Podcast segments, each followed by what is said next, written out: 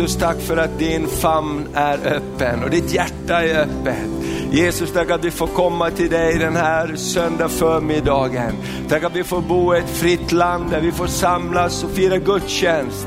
Herre, tack att det är nåd ifrån dig och vi ber Herre att det fortsättningsvis ska vara så att vi kan i Sverige förkunna ditt ord fritt Herre och sända missionärer till jordens ända men också vara missionärer överallt där vi är. Och vi ber Fader öppna ditt ord för oss idag och öppna våra hjärtan att ta emot ditt ord som ett levande ord som kan förvandla våra liv. Vi ber om detta i Jesu namn. Amen. Och allt folket sa det. Amen. Varsågod och sitt. Idag så har vi en liten speciell uppdelning här med stolar och så, för vi hade vigsel igår och eh, mellan Lucina och Hector. Och det var ett latinamerikanskt, sydamerikanskt eh, bröllop och det var väldigt roligt. Eller, och, och lite annorlunda, eller hur? Tycker Men det är du? härligt för oss svenskar att få vara med i sån miljö. Man ser att det, man kan göra saker på olika sätt och det blir jättehärligt. Ja. Så det var enormt roligt att få vara en del av hela den här stora Lopez-släkten som Lindo kommer ifrån bland annat. Ja, precis. Så det var fullt med människor här igår, så det är roligt. Och då får vi pröva att sätta på lite nya platser i kyrkan också en söndag förmiddag. Det kan också vara roligt. Amen. Härligt, okej. Eh, och vi ska fortsätta att eh, tala om det här ämnet, församlingens kallelse, kultur och mål. Och vi kommer också att fortsätta nästa gång. Och det är väldigt roligt, vi får göra det här tillsammans. Det är inte så ofta vi predikar tillsammans så här. Vi talar med varandra. Det gör vi. Och eh, som sagt var, värderingar så ska vi prata om idag. Därför att eh, det är också så med tron, tron som finns på insidan är inte bara någonting personligt som vi bär i vårt hjärta, utan det är någonting som måste få bli synligt runt omkring oss också, och är det. Och eh, Guds ord eh, talar mycket om det här och de här söndagarna vill vi prata och vi talar egentligen utifrån ett material som vi har gjort, eh, Välkommen till Svedjeholmskyrkan, en kyrka nära dig. Och eh, det här materialet så vill vi ge till dem som vill gå med i församlingen, men vi ska också dela ut det till alla i, i församlingen för att vi tror att det är bra att vi påminner oss om vilka vi är och vart vi är på väg. Amen, och när människor kommer till tro då ska de veta att här finns en plats för dem och veta vad vi tror på också. Och det här är ju ett material som vi har jobbat med ett längre tag och delat med oss både till hemgruppsledare och till styrelse och sådär så att man får vara med och tycka till och få vara en del utav det här och vi ska göra en fin layout på det här och, och ha det här som ett levande dokument mitt ibland oss. Så att eh, det är härligt så att eh, vi har Guds ord men vi har också det här tydligt så att vi kan ha det här som, eh, som en, eh, ett, eh, något som eh, le- leder oss i vårt arbete och som vi kan luta oss emot. Eh, och vi ska faktiskt börja och läsa ifrån Filipperbrevet 2 och 12. Så om du har din bibel med dig så får du gärna slå upp det ordet. Filipperbrevet 2 och vers 12 så står det så här. Därför mina älskade, liksom ni alltid har varit lydiga så arbeta med fruktan och bävan på er frälsning. Med fruktan och bävan på er frälsning. Inte bara som när jag var hos er, säger Paulus här, utan ännu mycket mer nu när jag inte är hos er. Amen. Och det står också i Matteus 3.8 här, bär sådan frukt som hör till omvändelsen. Så precis som Thomas sa, här innan, tron som finns på insidan av oss, Guds ord, Gud förvandlar oss när vi blir Guds barn. Han flyttar in i oss och efter ett tag när vi börjar vandra med Herren, vi, vi arbetar på vår själs frälsning som vi läste, så börjar det här livet att komma ut genom oss, genom våra ord, genom våra handlingar, kanske till och med genom vårt utseende. Jesus tittar ut genom våra ögon. Eh, Och det här är så underbart. Det här är ju inte bara någonting som gäller enstaka människor eller att det gäller profeter eller pastorer eller lärare. Utan Gud handlar genom sin församling idag. Amen. Det här gäller oss var och en och vi är kallade som församling. Vi har ett mål, vi har en kultur och vi har en kallelse. Som församling där du och jag är en del utav det. Och Gud vill använda oss var och en. Gud vill verka genom oss var och en. Det är väl spännande? Kan du trycka i din granne och säga, det här gäller dig. Du är viktig. Ta den som sitter på andra sidan. Du är jätteviktig. Du är, Du är viktig. Amen. Bra, ska vi gå vidare? Nästa bild här. Eh, våra värderingar. Bibeln talar om att vi är Kristus brev som läses av andra människor. Och det kan vi läsa, vi kan slå upp det också i andra Korinthierbrevet 3 och 3. Och eh, det här är, tror jag, en, när vi pratar om våra värderingar, vad är församlingen? Så är det precis som Maria sa, det är inte bara pastorer, styrelse, de som är anställda, utan vi är alla Guds församling. Amen. Vi är alla lemmar i samma kropp. Alla är viktiga. Gud kan använda alla. Guds ande flödar genom var och en som har sagt sitt ja till Jesus. Hans närvaro finns hos dig. Och så här står det i andra Korinthierbrevet 3 och 3. Det är uppenbart att ni är ett Kristusbrev som är ombesörjt av oss och skrivet inte med bläck utan med den levande Gudens ande. Inte på tavlor av sten utan på tavlor av kött, på människohjärtan. Det är uppenbart, står det, att ni är Kristus brev. Amen. Så när du kommer, då kommer det ett Kristusbrev gående. Amen. Och det här är ju sånt som får vi tänka till på. För är det så att Jesus har bestämt att jag vill komma till den här världen genom alla mina barn, då är det ju så verkligen att vi kan inte bara lita på någon annan eller skicka bollen vidare till Benny Hinn eller Billy Graham eller Reinhard Bonke eller någon sån där. Kom inte och prata med mig, prata med dem. Jag är bara med. Men Jesus ser det inte så, eller hur? Vi är alla Kristusbrev vare sig vi vill det eller inte. Och det är verkligen så, vi har sagt det förut, den Jesus som dina arbetskompisar möter, det är den Jesus han kommer att möta genom dig. Amen. Och ibland så säger vi lite oskyldigt, se inte på mig, se på Jesus. Och det är ju jättebra, men var ska vi hitta Jesus? Hallå? Var hittar vi Jesus? Ja men kom till vår kyrka, vi har en staty här som vi har fått från Missionskyrkan som är gjord för hundra år sedan av en konstnär i Källevad. Det räcker ju inte. Eller hur? Därför Jesus är skrivet i våra hjärtan. Och det här är utmaningen när vi pratar om våra värderingar. Att vi är alla representanter, viktiga representanter för Jesus. Och Jesus är vårt föredöme och vår ledstjärna för hur vi ska leva våra liv. Och en kristen livsstil betyder, lev så att andra kan följa ditt exempel. Och det är en utmaning, men det är det som är verkligheten. För Jesus säger, det är uppenbart att ni är Kristus brev, som är skrivna, inte med bläck och på stentavlor, utan med kött och blod. Amen. Kan du säga till din granne, du är en missionär för Jesus. Du är en missionär för Jesus. Amen, halleluja. Och du kan bära Jesus till andra människor. Varsågod Maria. Precis. Och hur ska vi då leva? Hur ska vi veta? Hur ska vi vara Kristus brev? Va, va, vad ska vi följa? Det finns ju så ofantligt mycket vi kan följa. Eh, men det är fantastiskt att eh, Gud har gett oss sitt ord. Och Gud har gett oss tio Guds bud.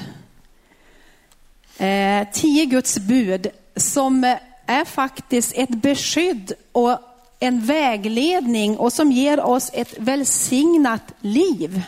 Mm. Tio Guds bud. Och du kan läsa hemma tio Guds bud om du inte kan dem. Om du inte lärde dem i konfirmationen så kan man, kan man eh, gå tillbaka och läsa om tio Guds bud. Eh, för det är fantastiska eh, budord som Herren har gett oss till beskydd för oss. Eh, och eh, Jesus han sammanfattar de här budorden i Lukas 10.27 i de här orden. Du ska älska Herren din Gud av hela ditt hjärta, av hela din själ, av hela din kraft och av hela ditt förstånd. Och din nästa som dig själv. Så sammanfattar Jesus eh, budorden. Och vi vet ju att lagen kom, men med Jesus kom också nåden. Både lagen och nåden, eller hur? Mm. Och jag vet inte om eh, ni läste eh, fredagens, eller den senaste tidningen 7. Var det någon som gjorde det? Ja. ja. Och där så fastnade vi vid ett läsarbrev. Var det någon som läste läsarbrevet den här veckan? Ja, det är några stycken. Men jag tänkte faktiskt citera det igen, för det här var från Henny. Henny Holmlund, 95 år gammal, som har skrivit ett brev till tidningen 7. Och det här var fantastiskt bra, så jag tycker det här passar så bra till vår predikan idag. Då skriver hon så här som överskrift. Jag rekommenderar er att börja läsa Bibeln. Mm. I tidningen 7 den 15 augusti så skrev Torbjörn Hägglund, en skribent på tidningen 7, ett brev till Gud med många frågetecken. Nu skriver jag ett brev till tidningens läsarkrets med många därför. Gud skapade människan med en fri vilja, men samtidigt gav han henne en beskrivning hur hon skulle leva. Det står i Bibeln, Andra Moseboken 20, 20 kapitel. Jag ska bara nämna tre exempel. Vers 13, du ska inte dräpa.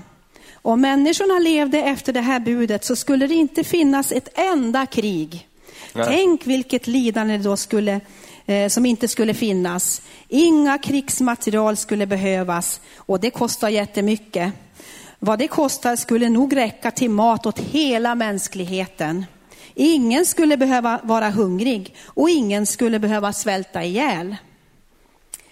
Vers 14. Du ska inte begå äktenskapsbrott.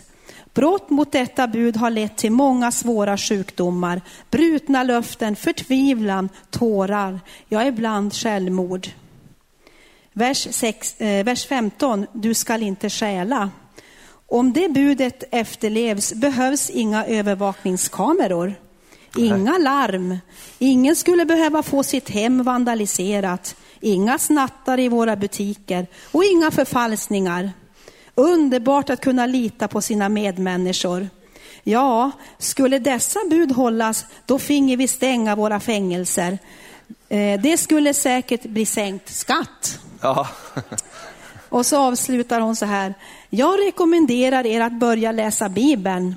Börja i Nya Testamentet. Det är mycket man ej förstår. Man måste inte förstå allt. Det finns också många grupper som ger hjälp. Alfagrupper, bibelstudiegrupper, ja kanske också en vanlig gudstjänst. I Uppenbarelseboken, Bibelns sista bok, där står ju också framtiden beskriven. Ja, så jag önskar er alla lycka till. Henny Holmlund, 95 år gammal. Ja, det är bra. Fantastiskt bra.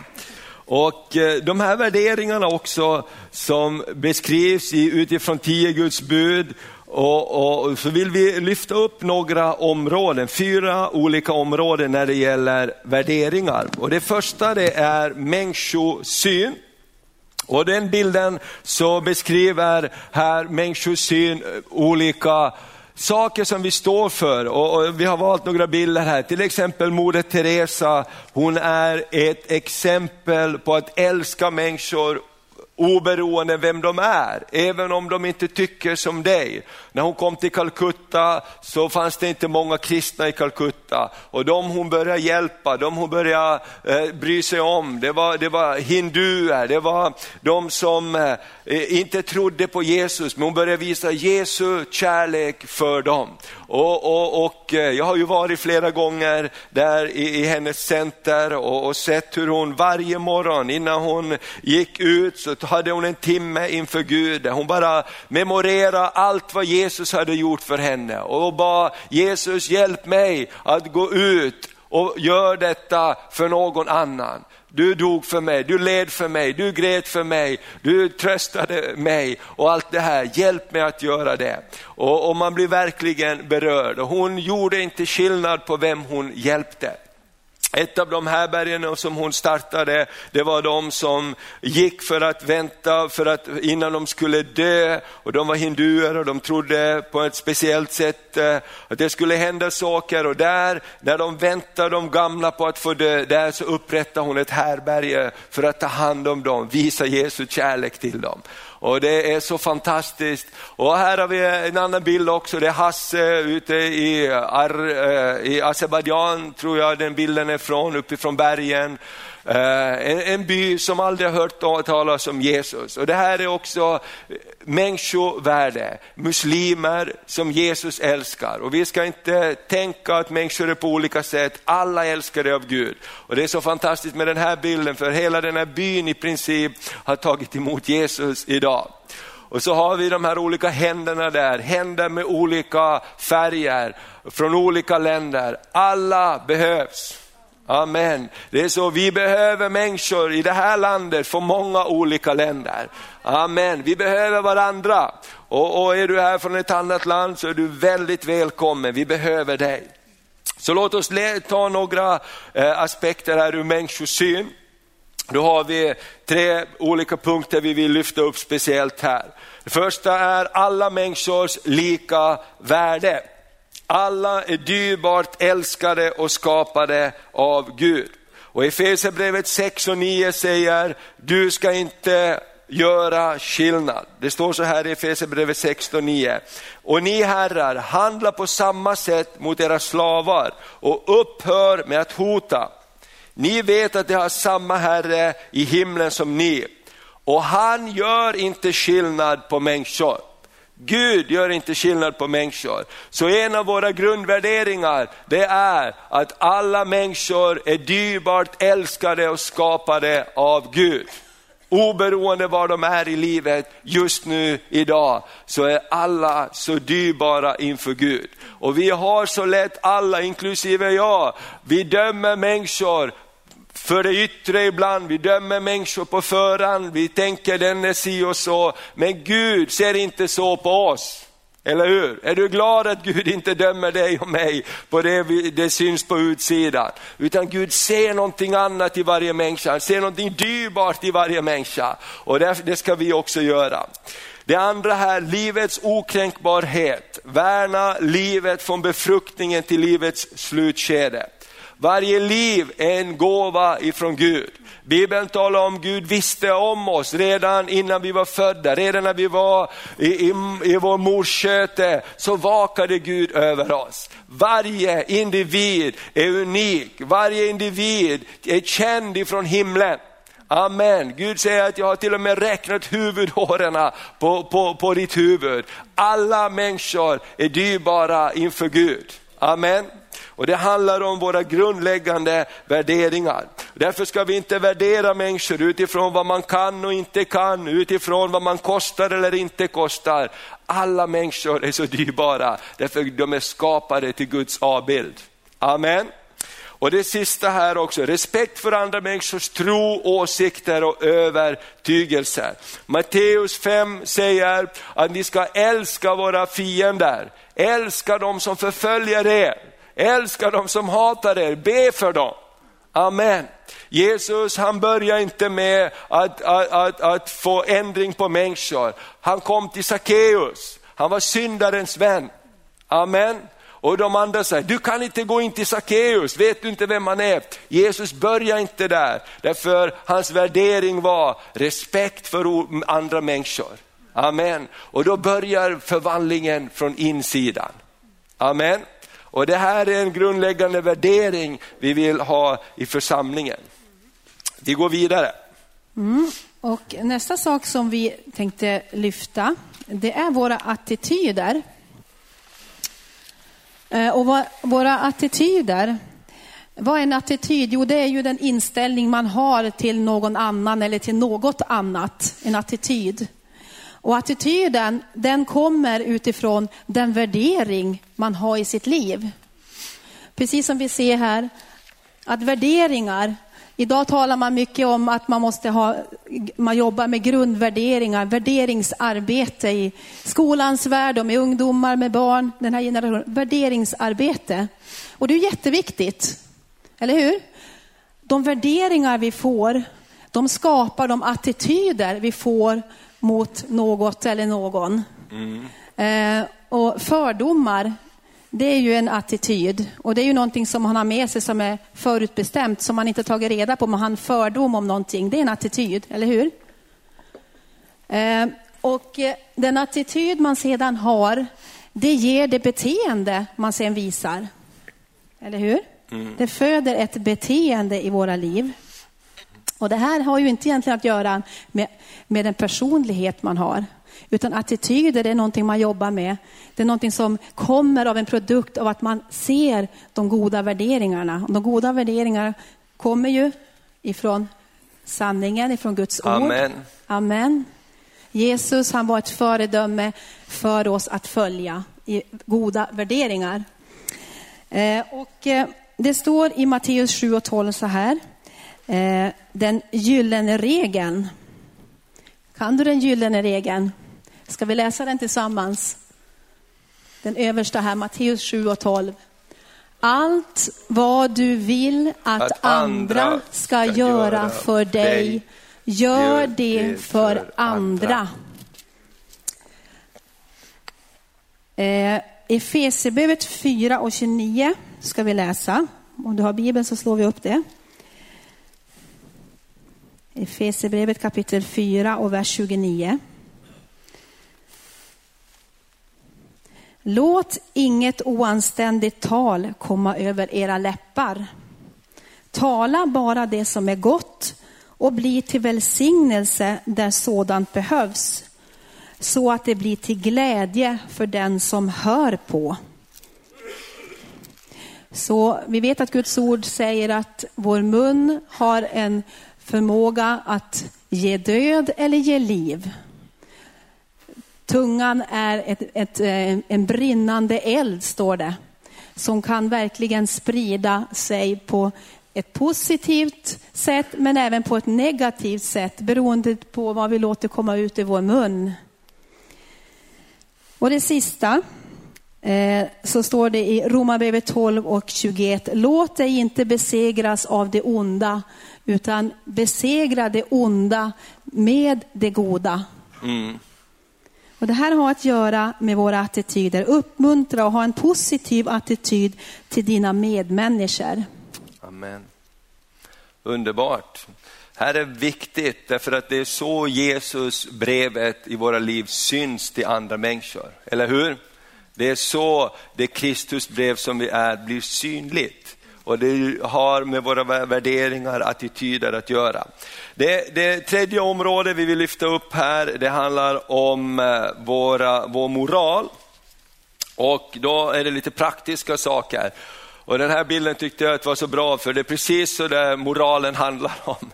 Vi står där mitt emellan och vi har de här rösterna som talar till oss. Vi har Gud som är på vår sida och uppmuntrar oss att gå rätt väg. Och så har vi fienden som är the salesman. Han, han är en försäljare och han ger alltid ett bra erbjudande.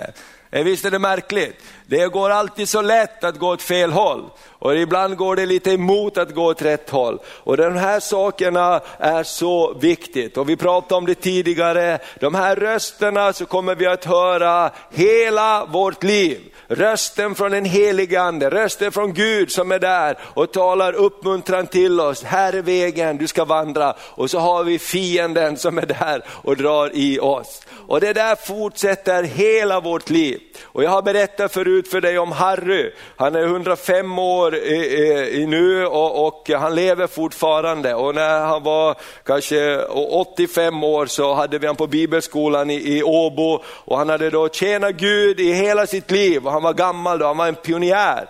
Och, och eh, han sa så här, varje dag jag ska ta fram min bibel och läsa, så kommer den där rösten till mig. Inte idag Harry. Du har ju läst så många gånger, inte behöver du läsa igen. Du vet ju vad det står där. Ta tidningen nu Harry, koppla av lite. Alltså varje dag så måste jag bestämma mig att föda min invärtes människa. Amen. Och när jag ska ha en bönestund så är det alltid den där rösten som kommer och säger till mig att inte nu igen, det är någonting annat som är viktigare. Så det här är någonting vi får jobba med hela livet. Amen. Och Vi tar några områden som, som har med det här Kristusbrevet att göra. Vi tar nästa bild här. Och då är det första området att göra bra ifrån sig på sitt arbete. Det är kanske lite annorlunda punkt, men jag tror att det är jätteviktigt. Vi som kristna, vi är Kristus brev. Och det går inte att vi lever på, på, på ett sätt på vardagen och på ett annat sätt på söndag förmiddag. Vi är en och samma människor hela tiden, eller hur? Amen. Och då står det så här i Ordspråksboken 18 och 9. Den som är försumlig i sitt arbete, han är en broder till rövare säger Bibeln. Och det vill vi inte vara, eller hur? Så att eh, när det gäller en kristen moral så ska vi se till att människor säger så här, du är en kristen, jag kan lita på dig, jag vet att du gör ett bra jobb. Amen. Och det här är jätteviktigt, därför det är inte alltid så. Amen. Fråga Peter som lämnar ut godislådor på olika arbeten och folk ska med moraliskt ansvar lägga en peng där och ta sin chokladbit och svinnet ökar. Och det här handlar ju om att när ingen ser dig, vad är karaktär? Jo, de vi är när lampan är släckt. Den vi är när ingen ser oss, det är det som är karaktären, det är det som är vad våra värderingar bygger på. Det här andra bibelordet talar om ah, ah, i första Thessalonikerbrevet 4, sätter ära i att sköta ditt arbete säger Paulus till, till Thessalonikerna. Sätt din ära i att sköta ditt arbete så att du blir till välsignelse och har ett gott eh, rykte. Amen. Amen. Och då får vi också genomslag på vårt eh, vittnesbörd om Jesus, eller hur? För att de, den Jesus som människor ser, det är den Jesus de kan lyckas se i oss. Eller hur? Ärlighet är en annan värdering som vi vill stå för när det gäller moralen. Ärlighet vara längst. Friheten och glädjen finns alltid i sanningen. Och det är alltid så att sanningen varar längst.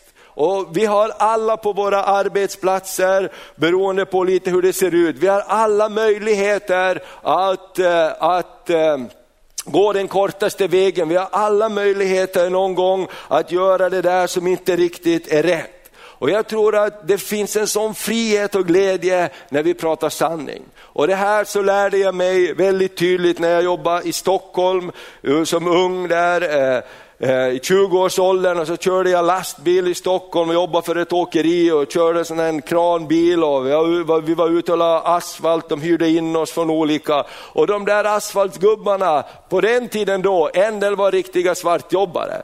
De beställde alltid dubbelt så stort lass än vad de behövde för jobbet. Och sen när de hade lagt den där asfaltsparkeringen där någonstans så var det halva lasset kvar. Och då var det att åka upp till infarter och egnahemshus och lägga asfalt utanför garagerna och det var bara svart alltihopa. Och de ville ju att jag skulle köra och bara, eh, inte skriva full tid och, så att det inte skulle märkas och så vidare. Och jag sa, nej men det kan jag inte göra. Så jag sa till min chef, så här är det här. va. Han sa, det är bra Thomas, det är bra. Och jag fick sån respekt hos min chef så det var helt otroligt. Och jag hade friden i mitt hjärta. Och efter ett tag så märkte jag, de här som höll på med sådär, de var ju inte med, de hade ju inte mer än någon annan i alla fall. För de var alltid lite nervösa. För man hade aldrig liksom rent mjöl i påsen fullt ut. Och det är, ju, det är ju så viktigt, ärlighet vara längst, även om det kostar. Amen. Och ha en nykter livsstil. Efesierbrevet 5 och 18 säger, vi kan titta på det också bara, Efesierbrevet 5 och 18. Så står det om att vi ska ha en nykter livsstil. Då står det så här, eh, Efesierbrevet 5.18, Berusa er inte med vin, sådant lever till ett liv i laster. Låt er istället uppfyllas av anden. Amen, halleluja, det finns ett bättre vin. Därför att det finns någonting som kopplar ihop det här. Vi vet att det finns en andemakt i spriten som inte bara eh, är, är väldigt god och fin utan någonting tar tag i en människas liv och det är så mycket som kan gå till spillo. Därför tror jag att det är viktigt när vi pratar om moral, våra värderingar, du är ett Kristusbrev, så gäller det på det här området också, ha en nykter livsstil. Amen. Okej, över till Maria. Ja, då ska vi gå över till en annan värdering och det handlar om relationer. Eh, Guds ord talar om relationer. Gud är relationernas Gud, eller hur? Han Amen. ville inte vara ensam. Han sökte upp Adam och Eva i lustgården för han ville ha gemenskap. Gud söker gemenskap med oss varje dag. Så det här är verkligen någonting som är på Herrens hjärta, att vårda sig om varandra. Och Gud är barmhärtighetens Gud. Gud är en Gud som är full av kärlek och full av nåd. Gud har gett oss anvisningar i, sitt, i sin lagbok. Därför det är ett beskydd för oss. Det är en styrka för oss och det ger oss ramar i livet. Men med Jesus som kom också nåden och förlåtelsen och upprättelsen. När det går snett, när vi inte räcker till. Vi lever i den här världen som, är, som hela tiden vill få oss bort ifrån sanningen. Och vi ska tala mer om det här eh, på slutet eh, idag, eh, om upprättelse. Men som sagt, Gud vill att vi ska leva i goda relationer. Mm. Och eh, jag tänkte ta upp lite grann om äktenskapet. Eh, och vi kan gå till följande punkt, där det står i första Moseboken 2, 24-25. Därför ska en man lämna sin far och mor och hålla sig till sin hustru och det ska bli ett kött. Så vi tror på äktenskapet mellan en man och en kvinna. Mm. Eh, och det är viktigt, därför att eh, 2009 eh, så ändrades eh, vår lagstadga, den juridiska lagstadgan i vårt land, att eh, det är möjligt att vi har könsneutrala äktenskap. Eh, men det betyder inte att den teologiska definitionen har blivit ändrad. Mm. Och det tror jag är jätteviktigt. För det finns så mycket som är diffust den här dagen och vi måste hela tiden gå tillbaka till Guds ord. Ja. Se vad Guds ord säger och Guds ord är väldigt klar i den här frågan. Men vi måste hela tiden leva i nåden, i barmhärtigheten. Se varje människa, se varje människa som finns bakom eh, förvirring, bakom svårigheter. Det är jätteviktigt. Jag tycker det är så fantastiskt. Gång efter annan, Jesus sökte upp kvinnor som många mm. gånger var eh, världens avskum. Mm. Kvinnor var många gånger inte värderade lika mycket som de är idag. Jesus sökte upp de som var eh, prostituerade, de som inte hade något värde alls. Jesus, han såg människan. Såg, såg inte synden, såg inte problemen som var runt omkring, utan såg människan, människovärdet. Och här tror jag det är viktigt att när vi pratar om sådana här saker, att Guds ord är klar, fastän det kanske inte är godkänt i den här världen. Men det måste alltid följas med nåd, med barmhärtighet och med människovärdet. Och det är där värderingsfrågorna kommer upp. Hur ser vi på en människa? Ser jag bara utsidan? Ja, men den där människan lever så, den lever så. Det är ett människovärde. Mm. Gud, står det, låter solen gå upp över både onda och goda. Herren älskar varje människa lika mycket. Han älskar din granne som du kanske tycker lever som han gör. Han älskar honom lika mycket som han älskar dig och som han älskar mig. Eller hur? Mm. Och det här handlar om den värdering vi har på människan. Amen. Så eh, det här är viktigt, det här är vad vi står upp för. Och för det andra så är också äktenskapet, det är ju instiftat av Gud. Mm. Eller hur? Det är Gud som har instiftat äktenskapet och han vet vad han tänkte i början. Mm. Eller hur? Eh, och för det andra så är äktenskapet ett stöd för makar i att leva sitt liv tillsammans. Eh, jag läste någon värdering, eh, någon sån här SCB hade gjort någon utvärdering om att, att barn som växer upp i äktenskap, de, de, de, eh, eh, man separerar inte lika ofta. Jag tror det är 50 procents skillnad på om man bor utom äktenskapet eller om man lever i äktenskapet. Så det tycker jag betyder också att för barnens skull så är äktenskapet ett beskydd. Mm. Amen. Amen. Så därför så behöver vi också, kyrkan och samhället behöver stötta äktenskapet. För det är en strid om äktenskapet mm. idag. Det är en strid om relationer. Eh, och för det tredje så är äktenskapet också ett sätt för oss, för samhällets fortbestånd. Mm. För att mänskligheten ska fortsätta att växa. För samhällets skull så är äktenskapet jätteviktigt. Därför på det sättet så kan vi, eh, kan eh, vi få barn och, och, det blir en fortbestånd i samhället. Så det är inte bara av ett privat intresse utan det är också för ett samhällsintresse, äktenskapet. Amen. Eh, I första Korinthierbrevet 7 och vers 2 till 5 och vers 9 ska vi läsa. För vi tror också, den andra punkten, att platsen för det sexuella samlivet är i äktenskapet. Första Korinthierbrevet kapitel 7. Och från vers 2. Men för att undvika otuktssynder ska varje man ha sin hustru och varje hustru sin man. Mannen ska ge sin hustru vad han är skyldig henne och på samma sätt hustrun sin man. Hustrun bestämmer inte över sin kropp, det gör mannen. På samma sätt bestämmer inte mannen över sin kropp, det gör hustrun. Håll er inte borta från varandra, utom möjligen för en tid med båda samtycke, så att ni kan ägna er åt bönen. Och kom sedan tillsammans igen, så att Satan inte frestar er, eftersom ni inte kan leva avhållsamt. Och så går vi till vers 9. Men om, eh, men om, de, om de inte kan leva avhållsamt ska de gifta sig eftersom det är bättre att gifta sig än att vara upptänd av begär. Så det är vad vi eh, står upp för, att vi tror att det sexuella samlivet ska vänta tills man har ingått sitt äktenskap. Och det här är ju mycket mera än vad Guds ord säger, det är ju även ett beskydd på många olika sätt. Mm. Och sen det sista, vi tror att man ska vänta med att bo tillsammans tills man gifter sig.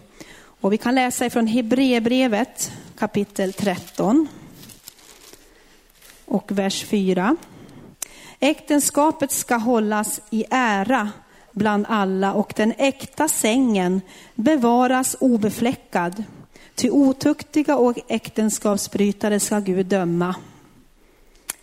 Amen. Så här tror vi också att det är en välsignelse att eh, när man gifter sig så blir man ett och då börjar man också dela vardagslivet tillsammans. Man börjar med ett liv tillsammans. Mm.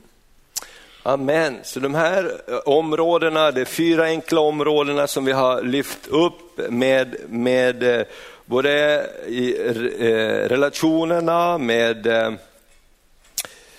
attityder och vad har vi mer pratat om? Vi har pratat moral. Moralen, att välja rätt Och och människovärdet.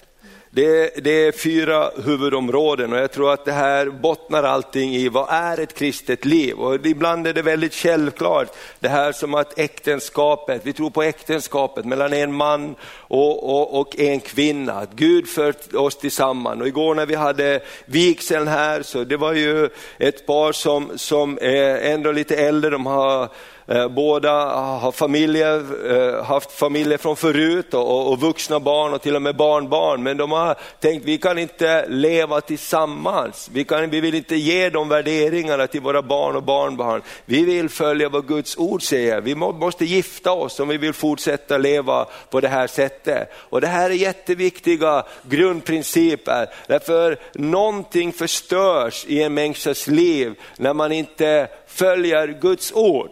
Det går bra, man kan välja alla möjliga leva, vägar, man kan leva som man själv vill, vi är fria individer. Men någonting går sönder på insidan. Och därför att Gud har gjort en väg, Gud har skapat en miljö för oss att leva tillsammans, där det också finns ett beskydd och där vi kan gå vidare.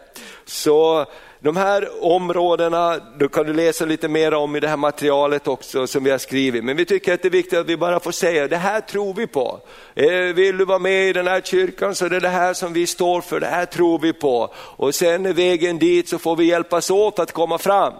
Det kan vara olika för olika människor och deras livssituationer, men det här vi vill stå för och det här vi vill stå tillsammans för. Och då kommer vi till nästa område här då. Vad händer när vi misslyckas? Därför att det är väldigt lätt att vi kan säga så här och så här och så här och så här ska det vara. Och det vet ju alla att goda intentioner och, och ribban kan ställas högt, men det är inte alltid lika lätt att kunna nå upp till de målen och nå upp till saker och ting. Eller hur? Och därför så tror jag att det är viktigt att vi pratar också om vad händer när vi misslyckas. Som kristen så är man inte befriad från syndens bedragande makt och frestelser. Och Hebreerbrevet 3 och 13, vi kan slå upp det så får du se om kraften i synden. Vad är kraften i synden? Jo, här ser jag bibelordet så här, brevet 3 och 13. Följande. Uppmuntra varandra istället varje dag, så länge det heter idag, så att ingen av er förhärdas genom syndens makt att bedra. Amen. Syndens makt är att bedra. Nästa vers säger, ty vi är, i, vi är Kristi vänner om vi ända till slutet stadigt håller fast med vår första tillförsikt. Och i vers 15 säger, det heter idag om ni får höra hans röst, så förhärda inte era hjärtan som era fäder gjorde och väckte min förbittring. Så här så står det tydligt att syndens makt är att bedra. Och vad, vad är det att bli bedragen? Jo, man tror att någonting är på det ser äkta ut, men det är inte det. Amen. Man blir inte bedragen eh, bara rakt upp och ner, utan bedragen blir man när det verkar väldigt bra. Och det är ju så fienden gjorde, Satan som kom in som ormen i lustgården. Han gjorde lockelser till Adam och Eva och de sa, ja men Gud har sagt vi ska inte äta av det här trädet, vi ska inte ta av frukten. Jo visst har Gud sagt det. Förstår du? Det blir väldigt nära. Men nu är det så att Gud verkligen menar kanske på det här sättet och så brum så glider man iväg och det verkar ju så nära. Så det där måste vi tänka på när det är vad är makten i synden? Jo det är att bedra. Och det är det man säger att ger man eh, lillfingret så tar han hela handen, ger man handen så tar han hela armen. Allting börjar i det lilla, därför behöver vi eh, ta och vara uppmärksamma när det gäller det. För det är också så att vi lever i en syndfull omgivning där vår fiende vill få oss på fall och dra oss bort ifrån närvaron hos Gud och församlingen. Det är också en verklighet. Du och jag kan inte bara glida genom livet och säga, jag tog emot Jesus för 42 år sedan och sen dess behöver jag inte tänka på det här mera. Det är klart för mig. Det funkar inte så, eller hur? Jesus är färskvara. Amen. Han, att leva med Jesus, det är samma sak som äktenskapet. Vi kan inte säga att vi gifte oss för 25 år sedan, det är liksom eh, är bra så. Varje dag, varje vecka så måste vi hålla liv i den här relationen. Amen. Och ibland så gör vi fel och vi måste be om förlåtelse och allt möjligt. Va? Vi förändras och allt möjligt förändras. Eller hur? Och det är ju så med livet med Jesus och det här är just de här synden som försöker bedra oss. Och det viktiga när vi begår en synd och det uppdagas i våra hjärtan är att vi inte springer bort från Gud, vilket fienden vill, utan till Guds nåderika famn. Amen, för han är barmhärtig. Som eh, Roland läste här i början, han är barmhärtig. Halleluja! Och han vet att vi är bara stoft och därför ska vi springa till honom och där finns det upprättelse. Och det är härligt också att det står att Guds tron är en nådens tron. Ja, det betyder att vi förtjänar egentligen inte alls att komma inför Gud. Men nåden, det är nåden vi behöver. Och ingen av oss räcker till och vi har lätt att sätta synder i olika fack. Ja, men det där är ju förskräckligt. Och, ja, jag är minsann inte så långt gånget, liksom att så och så och så.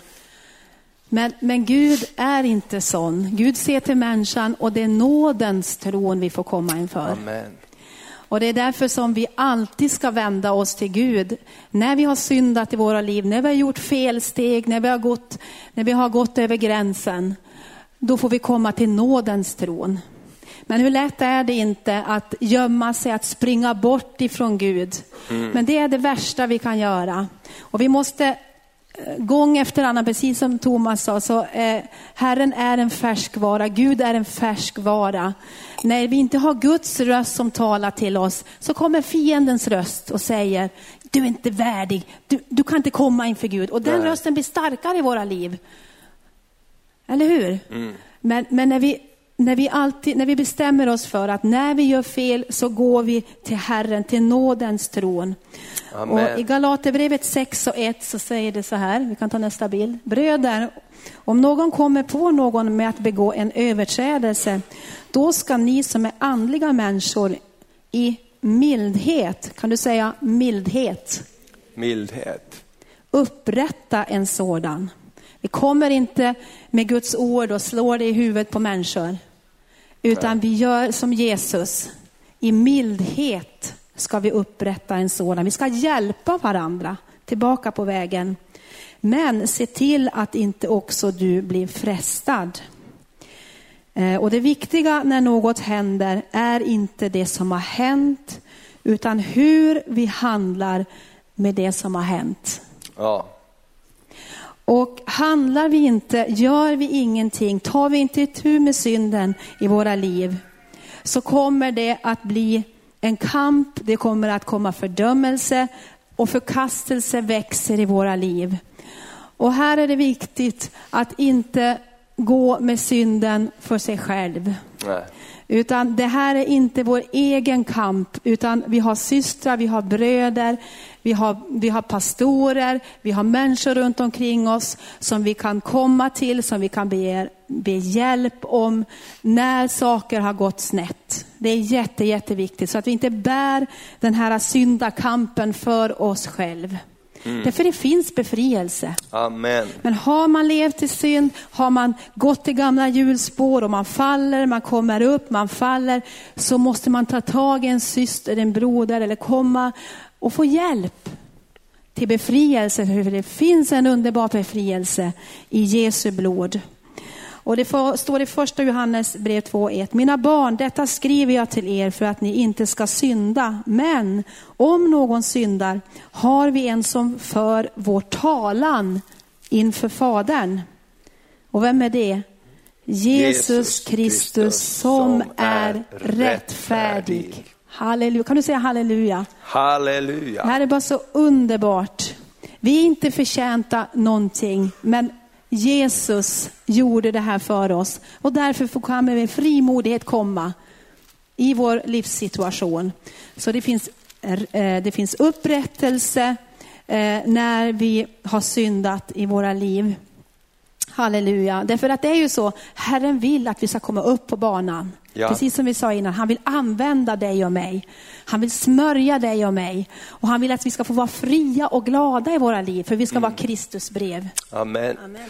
Underbart. Så det här, eh, vi, vad, vi, vad vi pratar om de här sakerna och känner bara att vi vill ta de här tre söndagarna och prata om det här. Därför jag tror verkligen att Gud vill sända väckelse. Och då vill vi bara vara redo. Vi vill att alla i församlingen ska vara missionärer. Alla ska vara sändebud. Alla ska vara redo att vara med och lägga händerna på de sjuka, tala ord ifrån himlen. Men vi måste också veta, vad gör vi med människor när de kommer till tro? Jo, vi måste in dem i en gemenskap. Och då måste vi ha en gemenskap där vi vet, det här tror vi på, det här, det här är vår kyrka, det här är vår församling. Kom och var med så blir du välsignad. Amen. Tror du på det? Tror du att Gud vill sända väckelse? Och det här är någonting som bara brinner i mitt hjärta som jag jobbar med. Jag tänker Gud, hur, hur ska det ske? Och det, det är så underbart med alla härliga väckelsepredikanter. Och vi behöver bli uppväckta av väckelsens budskap, av ord som kommer från himlen. Men vi kan inte heller, vet vi, historiskt sett så kan vi inte bygga församlingen kring väckelseförkunnare. Därför att då när vi har omvänt oss 51 gånger så kommer det en ny inbjudan till omvändelse och vi måste veta, nej men vi måste bygga på ett annat sätt. Vi måste bygga så att det blir en solid bas där vi alla kan vara fruktbärande och få skörden att komma in. Amen. Jag tror verkligen att den sista tidens väckelse kommer vara en väckelse där Guds församling, där alla är med på vägen. Amen, där alla är med på tåget. Prisat vare Herrens namn. Och den här nästa bild här som kommer, vad händer när vi misslyckas?